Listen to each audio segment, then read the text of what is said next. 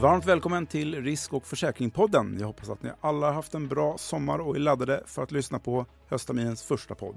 Idag har jag celebert besök från självaste Finansinspektionen och ringer mindre än Åsa Larsson, chef på FIs verksamhetsområde försäkring. Åsa har arbetat inom olika roller på FI i nästan ett dussin år. Innan dess i karriären har hon arbetat nio år på Skandia, bland annat som chefsaktuarie. Hon har även varit ordförande för Svenska aktuarieföreningen och även hunnit med 13 år på Folksam. Åsa är inte bara ansvarig för försäkringsrådet på FI utan sitter även med i OPAs styrelse. Något hon har gjort sedan 2020. Välkommen Åsa, trevligt att ha dig här. Hur står det till med dig? Tack, det står bara bra till med mig tack. Skönt. Hur skulle du sammanfatta din sommar? Ja, bra väder, härlig sommar. Så har jag ägnat mig en hel del åt att först köpa en lägenhet och sen sälja den jag bor i. Så att, eh, mycket städning. Ja, det låter jättekul. Nu är mm. jag och säkert alla andra nyfikna på vad som står på FIs agenda på försäkringsområdet. Du kan väl börja nämna lite kort de tre viktigaste sakerna på försäkringsområdet som FI fokuserar lite extra på just nu. I tillsynen tänker du? Ja, det tänker jag. Det är ja, det håller på med. Vi har ett, eh, försöker hålla ett konsumentperspektiv i en del av vår tillsyn. Så vi har flera olika undersökningar och analyser som pågår. Jag tänker mig att vi kommer prata lite mer om dem. Men det handlar lite grann om eh, produktförsäkringar. Behöver mm. man dem? Mm. Det handlar lite grann om vanliga konsumentförsäkringar som vi alla har som hemförsäkring och sånt. Får vi value for money som konsumenter? den typen av frågor men också lite grann om tilläggsförsäkringar till hemförsäkringen. Är de bra för bolagen? Är de bra för konsumenten? Det är inte min roll, det ska jag säga direkt, det är inte min roll att liksom tala om exakt hur en produkt ska vara utformad utan lite, lite allmänt. Eh, sen är det klart att det som påverkar oss allra mest på alla finanstillsyner i Europa det är ju faktiskt eh, lågränta, marknadsoro och framförallt då till följd av krisen i Ukraina och kriget där. Vad händer där? Det är någonting som vi verkligen måste fokusera på. Vi måste eh, följa utvecklingen. Vi måste fråga försäkringsbolagen om hur tillgångar och, och skulder förändras på grund av det. Hur ansvarighet förändras på grund av det. Och sen är det klart att vi jobbar väldigt mycket med hållbarhet och på försäkringssidan så jobbar vi en hel del med olika klimatinriktade aktiviteter. Intressant. Vi kan börja prata lite om det här med granskning av produktförsäkringar som ni eh, gick ut med att ni skulle göra under förra veckan. Eh, ni ska granska om produktförsäkringar innebär onödiga utgifter utan att ge ett extra skydd för konsumenter. Varför har ni valt att göra en sån granskning? Har ni märkt av några oegentligheter på den marknaden? Alltså, oegentligheter, det är faktiskt ett väldigt starkt det är ord. Det. Och, och hade vi märkt några oegentligheter, då skulle du redan veta det. För då skulle det liksom vara publikt. Men eh, vi kan väl säga så här, vi är i en tid av stigande kostnader. Det är intressant att titta på frågor som handlar om vad vi betalar och om vi tycker att de är värda pengarna. Av intresse för oss vanliga konsumenter men också intresse ur ett tillsynsperspektiv av den enkla anledningen att regler säger saker om hur man bör behandla konsumenter. Man säger att försäkringsbolagen har en omsorgsplikt. Det är ett väldigt trevligt ord att säga att man har en omsorgsplikt och det, det känns som att man ömsint då ska omfamna sina kunder. Mm. Ja men lite är det så. Man ska, man ska vara korrekt, man ska ge liksom, eh, lämpliga och tillräckliga råd. Man ska kunna ringa in så att kundens behov täcks. Men hur ska ni gå tillväga för att, i den här granskningen för att se hur det är? Hur gör ni? Ja, rent konkret ja. så kommer vi att titta på, på premievolymer för de här produkttyperna och vi kommer att titta på motsvarande sätt på ersättningsvolymer och vi kommer att försöka hitta ett bra mått och jämföra dem för självklart så finns det andra kostnader och, och även andra intäkter i ett försäkringsbolag än exakt bara det som kommer från kunderna och det som går ut till kunderna. Vi kommer ändå kunna få någon sorts finansiell siffra på hur mycket värde för för premien som, som eh, försäkringstagarna faktiskt får. Och när var det här skulle vara klart? Det här kommer vara klart före årsskiftet. Okay. Vi kastar oss snabbt mellan ämnena. Hur går det till exempel med översynen av det reviderade tjänstepensionsdirektivet JORP 2? Vad händer där just nu? Vad som händer närmast det är så här att kommissionen har precis före sommaren lämnat ett eh, så kallat call for advice till Europa. Advice, det handlar ju om att de, de vill ber, råd, de vill ha råd, ja. men det handlar om att de faktiskt rent konkret ber Europa med hjälp av nationella myndigheter att utvärdera de regler som finns på tjänstepensionssidan. Är de tillräckliga? Är de förståeliga? Saknas någonting i ljuset av marknadsutveckling och, och andra faktorer? Är det något som behöver tilläggas? Och sen finns det ett väldigt tydligt uppdrag om att reda ut begreppet hållbarhet som kom in lite vagare i tjänstepensionsdirektivet än vad som sen senare har kommit till då i, i andra regelverk. Mm. Behöver försäkringsbranschen förbereda sig på något sätt redan nu? Eller hur? Ja, det tycker jag. jag hur då? Jag tycker att man ska fundera på... I Sverige så har vi ju då den här eh, situationen att försäkringsföretagen har ju då kunnat ombilda sig till tjänstepensionsföretag. Och så tjänstepensionsföretagen, även om de har jobbat med tjänstepensioner i åratal så är de ju i någon mening nya. Det är nya företag, det är nya regler. De har börjat rapportera till oss och till Europa i stor skala och med nya rapporter. De har fått en hel del regler som kanske inte var uttryckta på exakt det här sättet förut. Min absolut främsta önskan det är ju svara på konsultationen när det kommer en, en eh, formell konsultation från EIOPA. Men min önskan i nutid det är ju att eh, svara på frågor som kommer, som vi kommer att ställa, som Ejopa kommer att ställa. Prata med Finansinspektionen om ni har kommentarer, synpunkter, invändningar, sånt som ni tycker saknas som skulle kunna göra det bättre eller tydligare eller bättre för konsumenten. Vad är det för typer av frågor som ni ställer till bolagen? Då? Jopa har då satt upp ett nätverk av arbetsgrupper som ska, som ska göra den här utvärderingen och vi har då flera personer dedikerade för att delta i, i det arbetet. Vi kommer ställa en, en relativt bred frågepalett som handlar om hur man har implementerat reglerna, hur det ser ut, hur informationen ser ut. Det, det vet ju vi. Jag menar, vi har ju sett i Sverige har vi ju haft värdebesked i många år men det har man inte överallt i Europa så den biten kan man kanske ändå ta lite lättare på mm.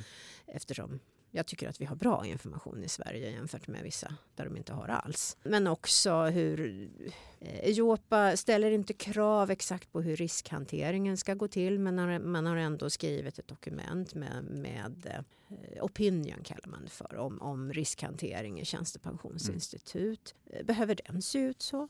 Är den bra? Passar den för svenska förhållanden? Det kommer handla en hel del om skillnaden mellan defined benefit och defined contribution, det vill säga premiebestämda respektive förmånsbestämda pensioner. Och det här har vi sett i Sverige men det kommer ju synas ännu mer i, i resten av Europa framöver övergången från förmånsbestämda pensioner till premiebestämda. Mm. Intressant. Sen skulle jag också vilja ta upp det här med price walking som innebär att lojala försäkringskunder får betala en högre försäkringspremie än nya kunder inom hem och bilförsäkring bland annat. Eh, ni på FI kommer med en rapport i juli där ni ser problem med detta i Sverige. Vad händer nu? Kommer ni att vidta några åtgärder? Närmast så kommer vi att träffa bolagen mm. och det är en bra början. Sen är det ju så att eh, Jopa har ju kommit med ett, eh, ett papper kring det här där man i ganska kraftiga ordalag framhåller det olämpliga i att eh, behandla kunder orättvist. Vi får se vart det tar vägen helt enkelt. Men nu närmast så ska vi alltså träffa de bolagen som ingick i studien. Är det inte fullt normalt att alla branscher, liksom försäkringen, erbjuder förmånliga introduktionserbjudanden till nya kunder? Vad ligger det stora problemet, tycker ni? Rabatter är väl inte ovanligt. Instegsrabatter.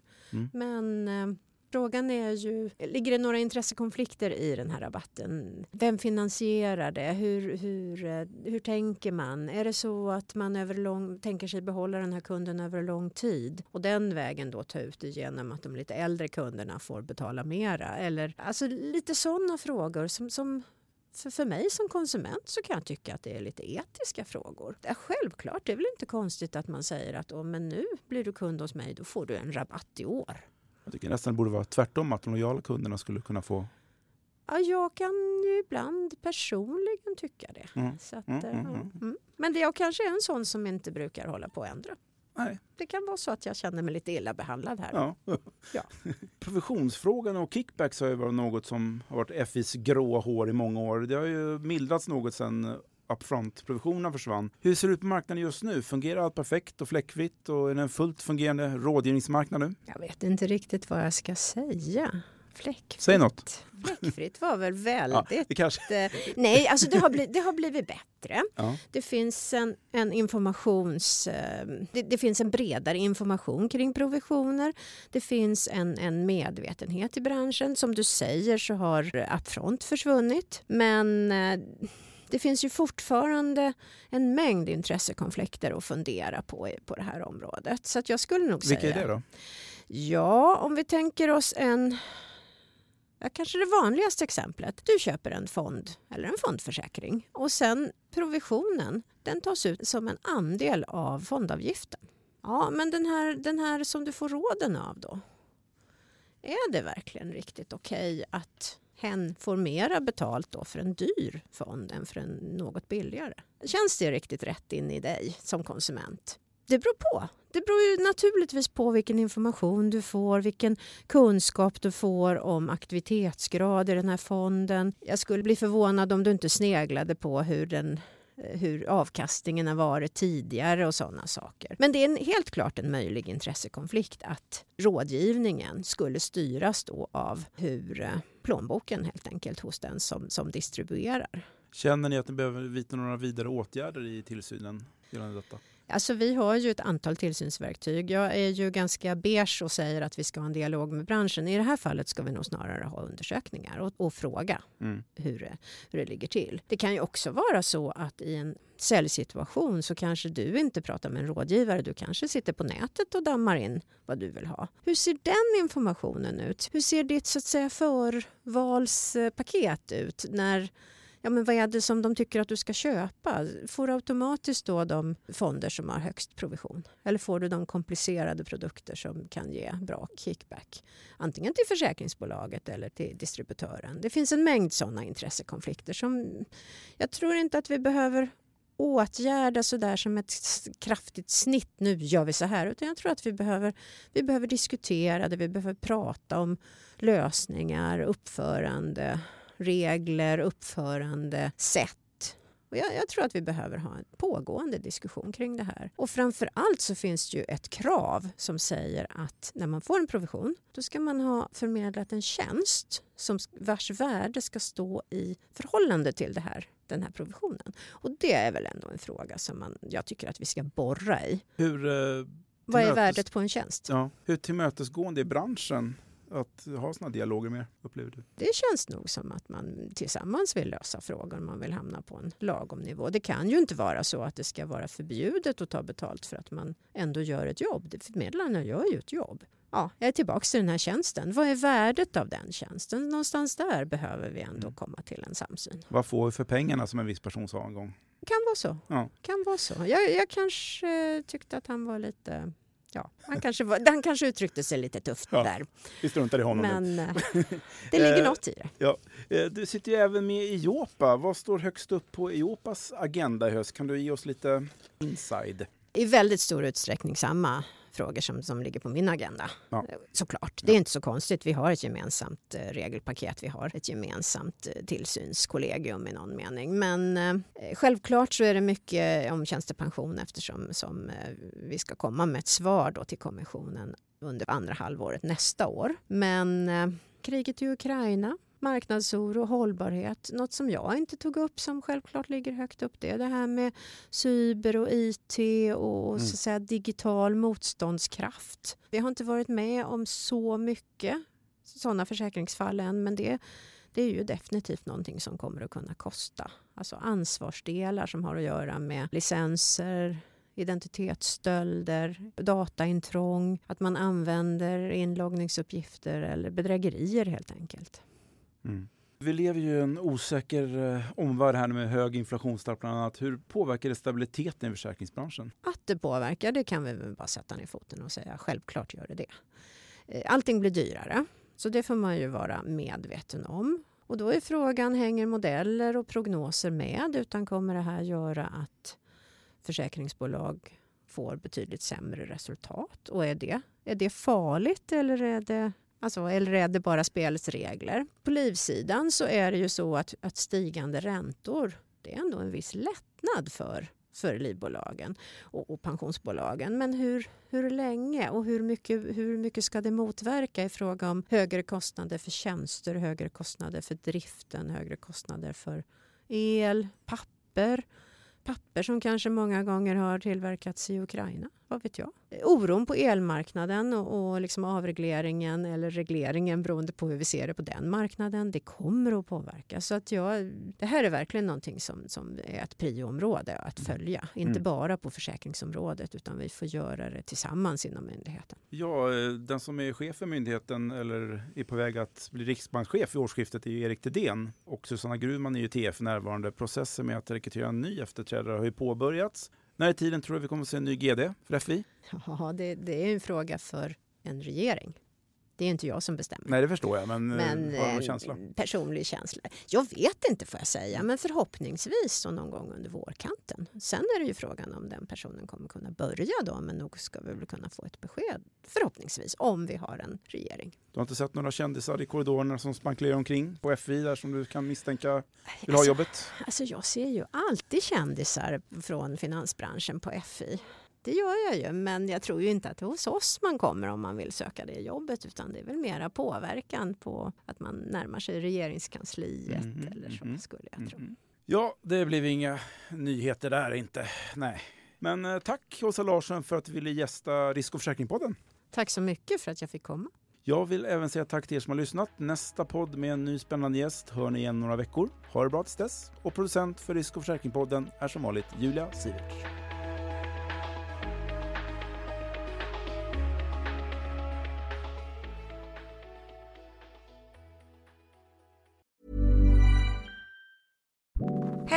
Was ist mit dir? Hast du auch etwas zu erzählen? Dann bist du eigentlich schon ein Podcaster oder eine Podcasterin. Du weißt es nur noch nicht. Egal, ob du dich einfach gern intensiv mit Freundinnen unterhältst, der Welt deine Leidenschaft näher bringen möchtest oder vielleicht auch dein Geschäft ausbauen willst. Das alles kann wertvoller Gesprächsstoff für einen Podcast sein. Mit Acast ist es kinderleicht, deine eigene Show zu starten. Produziere deinen eigenen Podcast, lass dein Publikum wachsen und verdiene auf allen Plattformen bares Geld damit. Geh einfach auf acast.com, um kostenlos durchzustarten.